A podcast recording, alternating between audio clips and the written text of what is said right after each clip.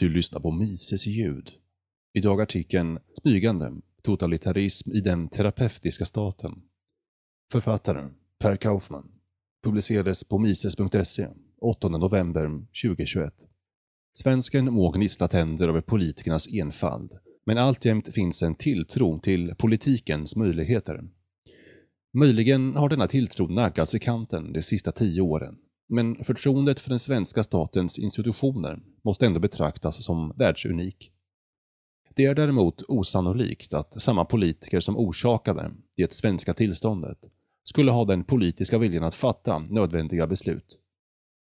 För ett politiskt parti, oavsett färg, är det alltid lockande att frisera opinionssiffrorna genom att vrida på de statliga bidragskranarna, jämfört med att strida för svåra men nödvändiga beslut. Det är också så att de flesta nog har lärt sig att se på staten som en välvillig välfärdsinstitution. Välfärdsstaten är dock bara en av många skepnader som staten har haft genom historien. Den bakomliggande funktionen är mer permanent och mer eller mindre oberoende av vem som har tillgång till kranarna.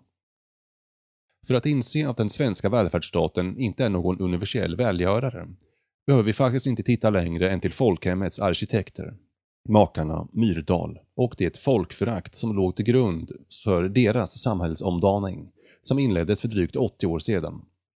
Den enskilda medborgaren reducerades utan betänklighet till en utbytbar kugge i det statliga maskineriet. Familjen var nödvändig för tillförsel av nya fabriksarbetare. Men utöver barnaskapandet skulle ansvaret för fostran och utbildning så snart som möjligt överlämnas till det offentliga. Familjen sågs i det stora hela som otillräcklig och dysfunktionell. I stora drag handlade det myrdalska paradigmet om centralplanering, ekonomisk omfördelning, insatser för ökat barnafödande och fostrandet av produktiva arbetare.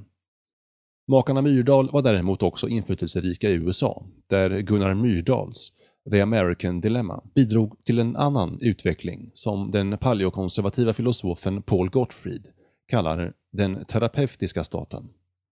I sin bok Multiculturalism and the Politics of Guilt visar han hur den amerikanska välfärdsstaten sedan 1960-talet i allt högre grad har förkastat den tidigare distinktionen mellan stat och samhälle. Han argumenterar för att västvärldens firande av mångkultur har utarmat den tidigare dominerade västerländska kulturen och den amerikanska välfärdsstatens nya kall är att medvetandegöra majoritetsbefolkningen i fråga om mångkulturens förträfflighet. Den nya generationens politiska elit är mindre intresserad av ekonomisk omfördelning och mer upptagna med att påverka invånarnas språkbruk och tankar. Offentliganställda tjänstemän åläggs i allt högre grad uppgiften att göra samhället mindre intolerant och fördomsfullt.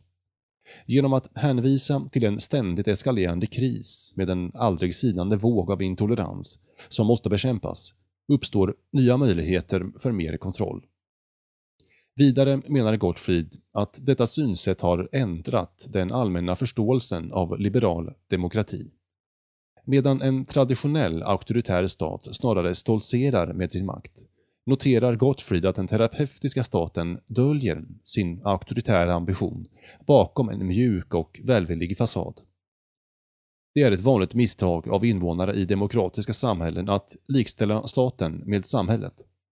Människor som har levt i någon av efterkrigstidens kommunistdiktaturer vet av erfarenhet att staten inte är samhället. Snarare är staten den maktapparat som tjänar sitt uppehälle genom att parasitera på samhället. I Anatomy of the State definierar Murray Rothbard staten som den organisation i ett samhälle som försöker underhålla ett monopol på våldsutövande inom ett givet territorium. När den terapeutiska statens logik nu spiller över på Europa är det hög tid att uppmärksamma den totalitära tendensen som de här processerna för med sig. Det är något också Gottfried noterar när han jämför den terapeutiska staten med begreppet mjuk totalitarism. Det är en mer tillåtande ordning, där medborgarna åtnjuter fri rörlighet och kan konsumera fritt, men där språkbruk, värderingar och kommunikation övervakas i hög grad. Totalitarism är något vi helst förknippar med nazism eller kommunistdiktaturer. Men ett totalitärt samhälle kan vara betydligt mer subtilt. En passande definition av totalitarism är en politisering av hela tillvaron. De här tendenserna finns omkring oss. Förra året så ville regeringen villkora den redan ansatta akademiska friheten med värdegrundsefterlevnad. Vi kan se hur ett fåtal politiska budskap matas ut i media, film och reklam.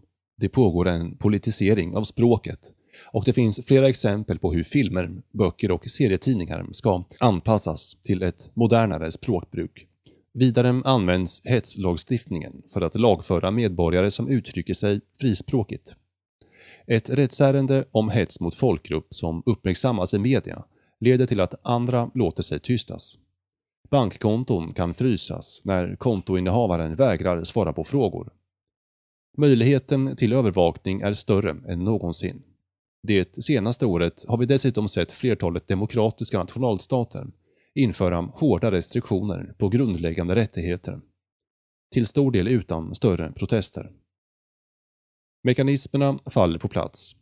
Den fortsatta utvecklingen tänker jag inte sia om. Istället avslutar jag med George Orwells varnande ord som svar på frågan om 1984 skulle kunna bli verklighet. Sensmoralen i den här mardrömslika situationen är enkel. Låt det inte hända. Det är upp till dig.